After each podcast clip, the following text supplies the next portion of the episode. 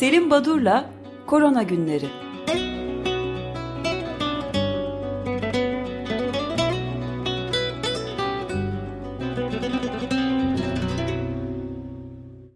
Günaydın Selim Badur, merhabalar. Günaydın efendim, günaydın. Günaydın. Herkese iyi haftalar. Ee, pek iç açıcı olmayan haberler hem iklimle ilgili hem e, Ukrayna'da olup bitenlerle ilgili verdiniz. Ben de e, Covid-19 bağlamında devam edeceğim benzer haberler ama en azından bir kısa ara böyle e, çok minik bir gülümsetme belki sağlayabiliriz. Almanya'da bir adam e, saptandı. Siz de görmüşsünüz herhalde. Covid e, aşısı olmak istemeyen, aşı karşıtı olan ama işi gereği de aşı belgesine gereksinim duyan insanlar adına parayla aşı oluyormuş. 87 defa aşı olmuş. evet yani bu en azından aşı yan etkilerinin olmadığının bir göstergesi olarak deneysel oluyor bir yerde. Üç, günde 3 aşı merkezini dolaşıyormuş.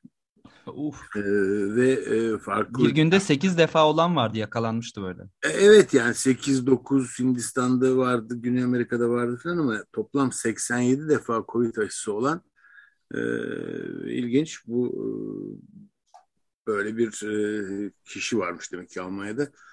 E, 61 yaşında bir erkek e, Alman. Profesyonel aşı e, olucu. Su mu tanımları nasıl tanımlar bilemedim. Şimdiki e, dünyada bu hafta sonu yine John Hopkins'in e, sitesinden baktığımızda 492 milyona e, yaklaştı e, Covid olguları. 6.1 milyondan fazla da ölüm var. E, günlük ortalama geçen haftadan beri e, 1,5 milyon, 1 milyon 501 bin 840 kadar olgu var. Yani 1,5 milyon olgu sayısı her gün listeye ekleniyor ve bu sanki stabilize olduğu gibi bir süreden beri bu bir buçuk milyon sayısıyla devam ediyor. Unutmayalım bu sayılar hep ülkelerde yapılan testlerden çıkan pozitifliği yansıtmakta. Siz testleri az yaparsanız gerekten insanlara yapmazsanız doğal olarak bu listedeki pozitif olgu sayısı çok yüksek görünmeyecektir.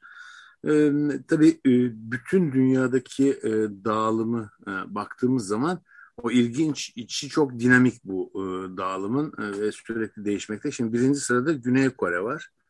Sonra Almanya var. Şimdi birazdan bu Almanya durumuna değineceğim. Vietnam, Fransa, İngiltere, İtalya, Avustralya, Japonya, Hollanda, Avusturya, Rusya, Brezilya falan böyle gidiyor liste. Türkiye bu son e, 4 haftadaki olgu sayılarına bakarak yapılan sıralamada 19. sırada e, Türkiye'de yaklaşık 15 milyon olgu 100 bine yakında e, yaşamını yitiren kişi var. Tabii bu sayıların e, hem Dünya Sağlık Örgütü'nde hem de Türkiye'de e, yapılan matematik modellemelerle 3 ile 7 misli olduğunu e, belirtmem e, gerekiyor. Şimdi aşılara baktığımızda o, dünyada 11 milyar doz yaklaşık aşı kullanıldı. E, dünyanın yüzde 64,5'u e, tek doz aşı almış durumda. Bu arada gelişmekte olan ülkelerde aşılama oranı yüzde 14,7 özellikle Afrika'da yüzde 15'e varamadı daha. Türkiye'de yüzde 62,3 yaklaşık 53 milyon Türkiye'de yaşayan insan tam aşılı. Tabii tam aşılardan ne anladığımız daha önce de belirttiğim gibi e, bu e, bir standartizasyona e, erişilemedi bu konuda. Çünkü tam aşılı dediğiniz zaman iki doz aşı, tam aşılı mı diyeceğiz yoksa muhakkak üçüncü, dördüncü dozda katacak mıyız? Farklı ülkeler farklı değerlendirmeler yaptıkları için de bu oranlar çok değişiyor. Buraya dikkat etmek lazım değerlendirmeye. Son bir haftadaki olgulara baktım. Ee, şimdi en fazla e, olgu bildirimi Güney Kore'den bir hafta içinde 2 milyon 213 bin olgu var. Ee, daha sonra e, Almanya e, yaklaşık 1,5 milyon olgu 1.466 bin. Fransa 961 bin olgu. Ee, Amerika 203 bin, Brezilya 186 bin, İngiltere 479 bin, Türkiye'de 100 bin 229. Vietnam yüksek 964 1858 gibi yani uzatmayayım uzak doğu Asya'da e, son bir 10 günden beri e, ciddi artışlar oluyor. Başta Çin olmak üzere Güney Kore'de, e, Hong Kong'da, Vietnam'da, Japonya'da e, ciddi artışlar var. her şeyin iyi gittiğini belirttiğimiz e, pandeminin ilk e, dönemini e, başarılı e, geçiren Avustralya ve özellikle Yeni Zelanda'da artışlar var. Bunu e, kenara yazalım. Şimdi e, Covid'e geçeceğim. Özellikle Ukrayna'ya ait bir çalışmaya değineceğim ama özellikle İsrail'de Kudüs civarında 7 tane poliomiyelit vakası yani çocuk felci vakası saptandı. Bunu şunun için e, altını çizmek istiyorum. Önemli bir konu. E, bu e, Covid e, pandemi nedeniyle bir takım çocukluk çağı aşılamalarının durdurulduğu geçici olarak bunların aksadığı bu programların belirtmiştik hep Açık Radyo'daki bu programlarımızda. İşte onun göstergelerinden bir tanesi olarak değerlendiriliyor.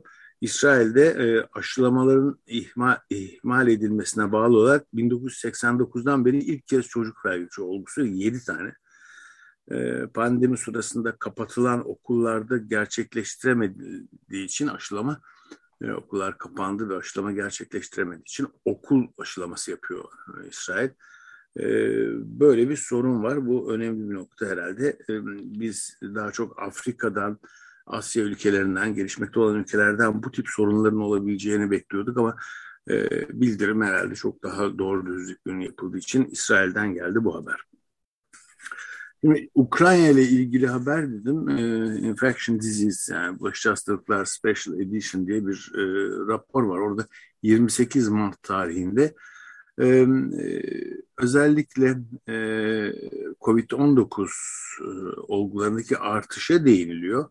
E, genel anlamda dünyada ve e, 14 Mart haftasında yüzde sekizlik bir artış olduğunu hani e, bu salgının sönmekte olduğu, e, azaldığı, kontrol altına alındığı şeklinde değerlendirmenin doğru olmayacağı belirtiyor. Buradan e, örnek olarak da aman diyor Ukrayna'ya e, ve Ukrayna'dan giden e, çeşitli Avrupa ülkelerine sığınmacıların, göçmenlerin e, konumuna dikkat etmek lazım diyor. Tam işte bu sırada da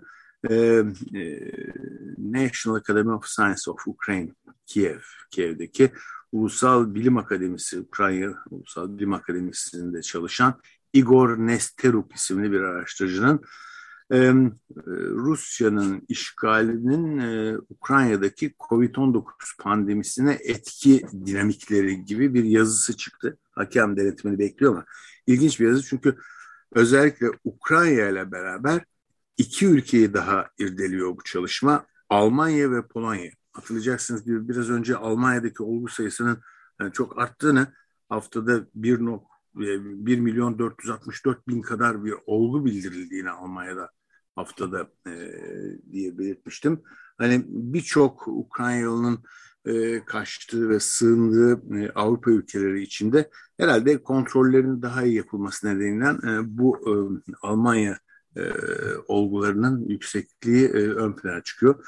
E, Igor Nesteruk bu çalışmada e, Ukrayna'dan e, Avrupa ülkelerine giden insanların hem Ukrayna'da e, kalanların hem de e, göçen insanlar arasında COVID-19'un durumunu irdeliyor ve matematik model, modellemelerle Ukrayna'da 3.6 misli arttığını e, bildiriyor. Bu önemli bir nokta ama hep başından beri biz zaten söylüyorduk bu e, e, savaş nedeniyle işte e, sığınaklarda dizi dizi çok yakın kaçmakta olan ve ülke değiştirmeye çabalayan insanların o uygun olmayan ve kontrollü tamamen bıraktıkları koşullar bu enfeksiyon hastalığının yayılmasının için önemli bir ortam oluşturuyor. Bunu belirtmiştik. İşte bunun sonuçları çıkıyor. Elbette savaş nedeniyle olan yıkım e, daha ön planda şu anda ama bir süre sonra e, sanıyorum Covid'in e, savaşın Covid'i nasıl etkilediği ele alınacaktır. Şimdi aşılarla ilgili bir iki noktaya değinmekte yarar var. E, işte aşılar erken devreye girdi. Aşılar şu anda e, dört dörtlük mükemmel aşılar olmasa bile birinci jenerasyon aşılar ama elimizdeki en önemli silah hala pandeminin denetim altına alınmasında. E, bu arada tarihi geçen aşıların imhası. Neden e, böyle bir konunun e, üzerinde durulması gerekiyor? Çünkü Fransa'da geçen hafta 218 bin doz e, vektör aşısı, AstraZeneca aşısı imha edildi. Bu haber üzerinde bu konuya biraz araştırınca dünyada 240 milyon doz e, zamanı tarihi geçtiği için imha edilen aşı var imiş. Bunun %73'ü Pfizer-BioNTech aşısı, %18'i AstraZeneca aşısı. Ama aslında bu buzdağının e, görünen yüzü sadece diye tanımlanmakta. Çünkü esas bu 240 milyon doz imha edilen aşı gelişmekte olan ülkelerde olup biteni bize yansıtmakta. COVAX üzerinden Afrika'ya giden ve e, ilginçtir gönderilen aşıların tamamı neredeyse e, son kullanım tarihine 3 ya da 4 hafta kalmış aşılar.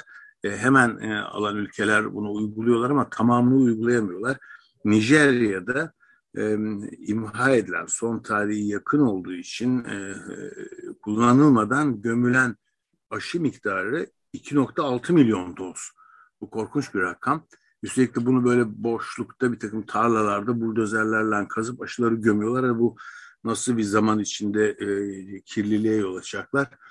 E, bu tabii çok soru işareti. Şimdi bu imha edilen aşılar bir de e, henüz kullanıma sokulmamış ama ülkelerin e, tedbir amaçlı stokladıkları aşılar var. E, bunların içinden de zamanı dolanlar oluyor.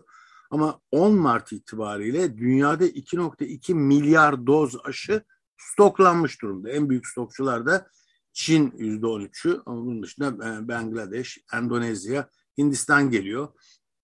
Özellikle e, gelişmekte olan ya da işte e, orta gelirli ülkelerde e, Ekim 2021'den itibaren bu aşı stoklama işi çok fazla yapılıyormuş. Çünkü COVAX'tan aldıkları yardım aşılarını e, bunlar ileride gerekilir diye e, stokluyorlarmış, saklıyorlarmış.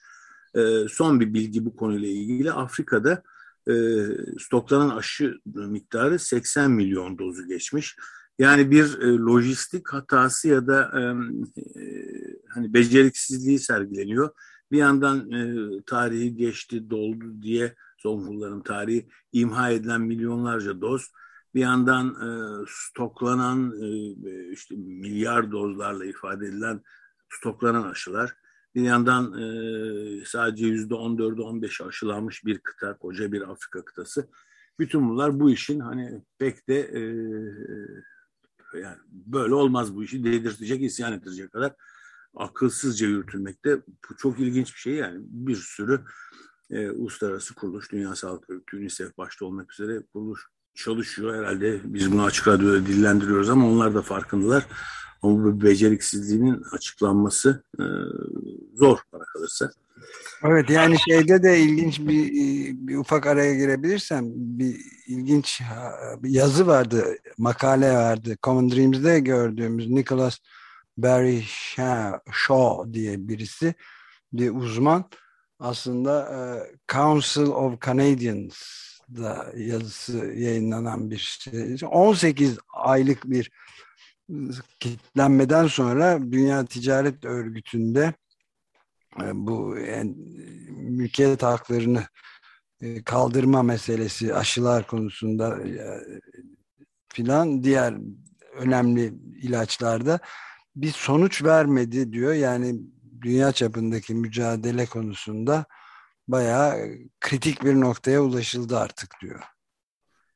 Ee, ama bu konu zaten bu patentler, mülkiyet haklarının kaldırılması en azından geçici bir süre için bu pandemi nedeniyle askıya alınması gibi konular hatta hatırlayacaksınız yine bu programda hep söyledik, dile getirdik, öyle haberleri aktardık dinleyicilere Biden'ın bu konuya sıcak baktığı falan ve e, doğrusu isterseniz ben hani ben bildim demeyeceğim onun için söylemiyorum ama hiç e, düşünmüyordum. İşte dünya vermiyordun değil mi? Evet, yani böyle bir şey gündeme bile gelmez yani. Ortez falan gibi bir takım böyle şövalye gibi insanlar ki onun da sesi soluğu çıkmıyor son zamanlarda son birkaç haftadır bu Texas Çocuk Hastanesi'ndeki ben patent istemiyorum diyen ve aşısı oldukça etkili ve Hindistan'da üretilecek aşı e, sanıyorum milyonlarca doz üretilmekte o aşıda. E, herhalde gelişmekte olan ülkelere çok ucuza e, verilmesi öngörülüyor ama e, ne kadar hayata geçer bu yaklaşım bunu da e, göreceğiz herhalde önümüzdeki günlerde.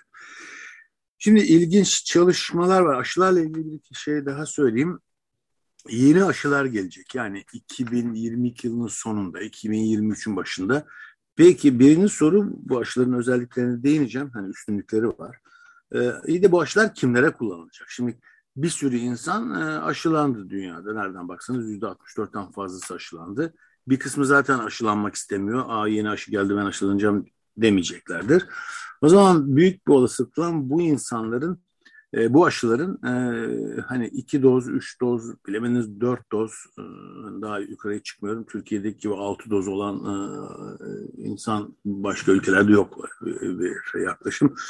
Bu e, daha önce aşılanmış insanlara belki bir son bir rapel doz yapıp daha iyi sonuç vereceği e, varsayılan ve ön deneylerle gösterilen aşılar o kişilere uygulanabilir ve bu iş hani e, bir süre için en azından rafa kaldırılabilir bu yeniden aşılanması insanların. E, bu tip aşılar gelecek. Bunlardan bir tanesi CureVac aşısı. Yeni tür bir mRNA aşısı. Birinci jenerasyon aşı e, etkinliği %50'nin altındaydı. Onun için terk edildi o uygulama. İkinci jenerasyon aşısından e, değişiklikler yaptılar. Hiç ayrıntısına girmeyeyim işte hangi molekülün neresini değiştirdiler. Ama e, bu aşı iyi sonuç veriyor. İkincisi de e, şimdiye kadar hep e, RNA aşılarından bahsettik. DNA aşısı Fransız Sanofi şirketi e, geliştiriyor bunu. E, burada sorun RNA aşılarını doğrudan enjeksiyonla e, insan vücuduna verebiliyorsunuz. DNA aşıları biraz daha zor çünkü hem hücre hem de e, hücre çekirdeğinin zarlarından geçirmeniz lazım DNA'yı. Çünkü hücre çekirdeği nükleus içinde e, çoğalacak ve etkisini gösterecek DNA'sı proteine dönüşecek. Şimdi uzatmayayım e, yani bir basit enjeksiyonla bir kas içi e, enjekte edilmeyle verilecek bir aşı değil. E, özellikle elektroporasyon şeklinde verilmesi ne demek? Gen aktarımı için hücre zarında geçici gözenekler açma. Bir elektrik akımıyla bu gözenekleri açıp hafif buradan DNA'yı içeri sokuyorsunuz. E tabi buna itirazlar var. Bir de pek çok pratik bir şey değil ama bir şekilde çözüm bulunursa eğer bu konuya, bu DNA'nın hücre içine verilmesine DNA aşılarından da çok ümitli insanlar. Evet. Bir de Covid ile ilgili deminden beri bakıyordum yayına girmeden konuştuğumuz bir şey var. İlginç bir habere rastlamıştım. Onu da hemen bir 30 saniye içinde konuşmak imkanı olur mu? Biyanet'te gördüğümüz bir haber vardı. Sağlık Bakanlığı Sağlık Hizmetleri Genel Müdürlüğü Türkiye'de hastanelerdeki başvuru yükünü azaltmak için işte hasta raporlarına ilişkin yeni düzenlemeler talimatı vermiş. 1 Nisan günü çıktı bu. Biraz da şaka gibiydi. Covid-19 e, yakalanan çalışanlara verilen istirahat raporlarına ilişkin düzenlemede işte Covid-19'a yönelik 14 artı 14 şeklinde verilen 28 günlük istirahat raporu uygulaması kaldırılmış. Yani rapor hakkı bugüne kadar işverenlerin salgının etkisinin azaltılması için iş, iş yerlerinde yani çalışanların yıllık maksimum 40 gün olan izin hakkına dahil edilmiyormuş. Şimdi ediliyor. Nasıl yorumlayacağız bunu? Doğrusu isterseniz bu konuda e, hani bir bilgim yok. Onun için bu konuda bir şey söylemeyeceğim ama e, sağlık merkezlerinin e, COVID nedeniyle e, oradaki yoğunluğu e, arttırmamak için hani belli kronik hastalığı olanlar belli aralıklarla gidip raporlarını yeniletiyorlardı, yineletiyorlardı. E, alınan rapor e, bir ay sonra, üç ay sonra gitmenize gerek yok. Bu rapor, aldığınız rapor bir yıl geçerli, iki yıl geçerli gibi bir e, kolaylık tanımıştı. Bunun uzatıldığını e, gördüm ben haber olarak. E, bu iyi bir şey ama e, diğerini bilmiyorum. Tabii e, söylediğiniz konu özellikle sağlık çalışanları açısından e, COVID'in bir meslek hastalığı olarak kabul edilmediği ve bu nedenle de bir takım e, işte tazminatlar ya da e, bir takım e, avantajların e, sağlık çalışanlarının bu avantajlardan mahrum edilmesi konusu varken e, bu konuyu değindiğimiz konuyu doğrusunu isterseniz bilmiyorum inceleyelim.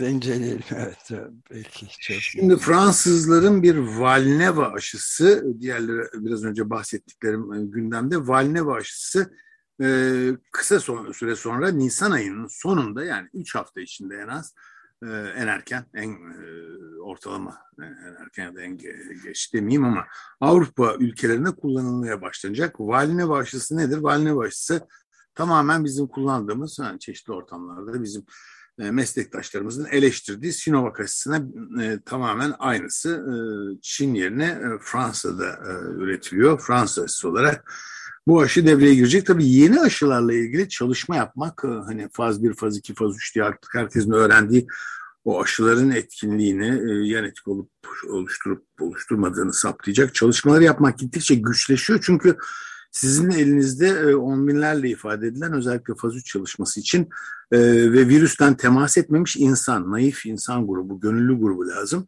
E, neredeyse her ülkede bunlar e, çok azaldı. Yani ya aşılı insanlar ya COVID'den temas ettiler. E, bunlarda antikor var. O zaman bir çalışmaya dahil edilemeyecekler. Afrika'da yapabilirler. Afrika'da yapabilirler doğru. E, ama e, bu, bu bir engel ve demin de belirttiğim gibi yeni gelecek aşılar kime uygulanacak ancak rapel doz olarak belki kullanım alanı bulurlar. Bazı insanlar diyorlar ki bir kesim yeni ve daha iyi aşıları bekliyorlardı deniyordu. Aslında bu konu e, Türkiye'de e, işte aşı olmayayım olmayacağım diyenlerin e, pandeminin başına 2001 2021 22 yıllarında hep e, şöyle bir sonuç çıkıyordu. İşte belirli yüzde 15-16 kadar bir kesim ben şimdi aşı olmuyorum Türk aşısını bekliyorum e, diyordu. E, Türkovar çıktı. Bu yüzde 15'lik kesim aşılandı mı? Bu tabii çok merak edilen bir konu. E, bizlerin sağlık ocaklarında işte arkadaşlarımızla, meslektaşlarımızla konuşup sorduğumuzda valla Türkovar aşısına pek rağbet yok deseler de e, bakanlığın elinde tabii ülke genelinde bu aşının ne kadar kullanıldığına dair çok net kesin bilgiler vardır ama bakanlık hiçbir bilgiyi paylaşmadığı için bu konudan ne yazık ki haberdar olamıyoruz. Şimdi 23 Nisan'da Lizbon'da gerçekleştirilecek bir Avrupa e, Klinik Mikrobiyoloji ve Enfeksiyon Hastalıkları Kongresi var. Oradaki e, başvuran iki çalışmaya birer cümleyle değineyim müsaade ederseniz. Bir İtalyan çalışması e, bu Covid-19'da e, geçirenlerde ortaya çıkan e, ve bir sorun olarak köşede duran paket halinde bir long Covid e, sorunu var biliyorsunuz. Bu long Covid'in hangi varyantla olduğuna bağlı olarak farklı klinik bulgulara e, rastlandığını long Covid olgularında iddia ediyor İtalyan grubu. Yani delta varyantı mı, omikron varyantı mı, hangi varyant? Her varyantın kendine özgü long covid bulguları ortaya çıkıyormuş. İlginç bir yaklaşım. Bir de e, yine ilginç e, Kuzey Carolina Büyük Üniversitesi Hastanesi'nden gelen bir çalışma sunulacak. COVID-19 pozitif olan donörlerden transplantasyon yapılabilir mi sorusu. Yani e, COVID-19 pozitif ama en uygun verici e, bu COVID-19 pozitifliği söz konusuyken o kişinin karaciğeri, böbreği, pankreası alıp bir alıcıya ihtiyacı olana verilebiliyor mu? Verilebiliyormuş. Bunun herhangi bir sakıncası olmayacak mı? Sadece akciğer nakli yapılması e, mümkün değil. Çünkü e, işte akciğerde virüs taşıyor. Ama diğer organlarının nakledilmesine bir sorun yokmuş. Bu da bir ayrıntı ama iyi bir çalışma. Covid-19 nedeniyle e, kanser bakım ve tedavi taramaların aksaması ölümleri arttırdı. Biraz önce İsrail'de poliomiyelit olguları ve aşılamanın pandemi sürecinde aksamasına bağlı olarak sorunların çıkacağı bunun ilk göstergesinin İsrail'de karşımıza çıktığına değinmiştim. Kanser dergisine çıkan e, Northwestern Üniversitesi çalışmasında da kolon kanseri taramalarının %18 azaldığını ve kanser hastalarında artışa yol açtığını belirten bir çalışma yayınlandı.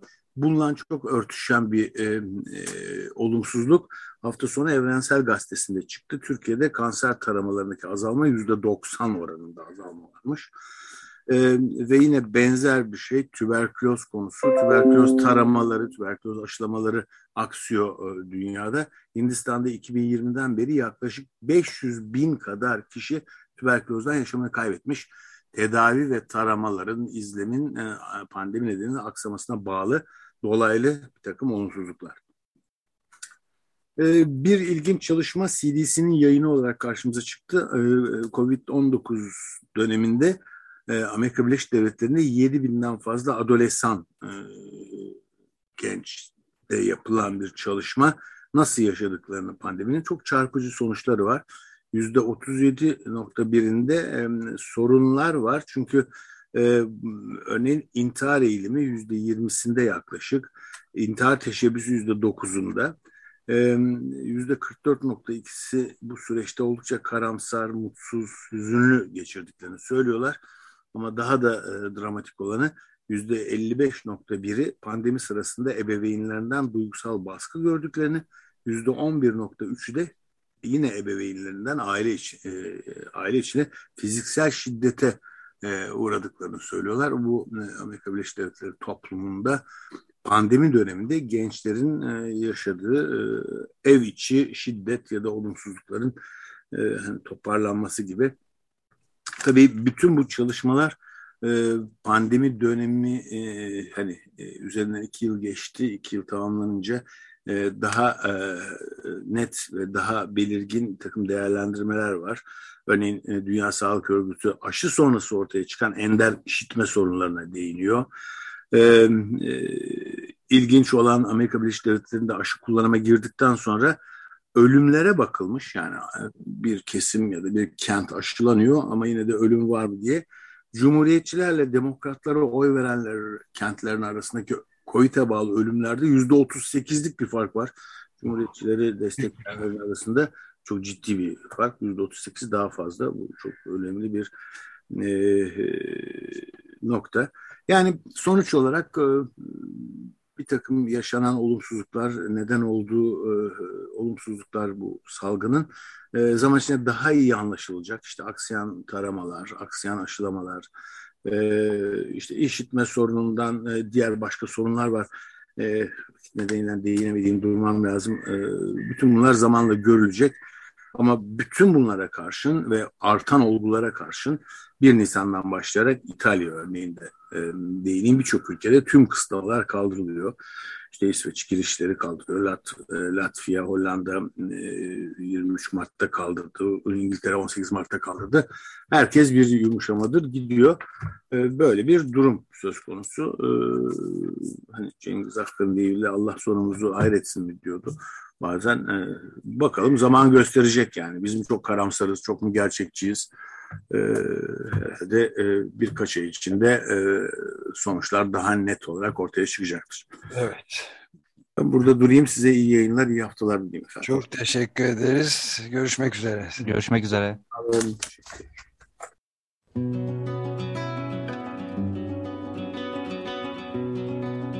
Selim Badur'la Korona Günleri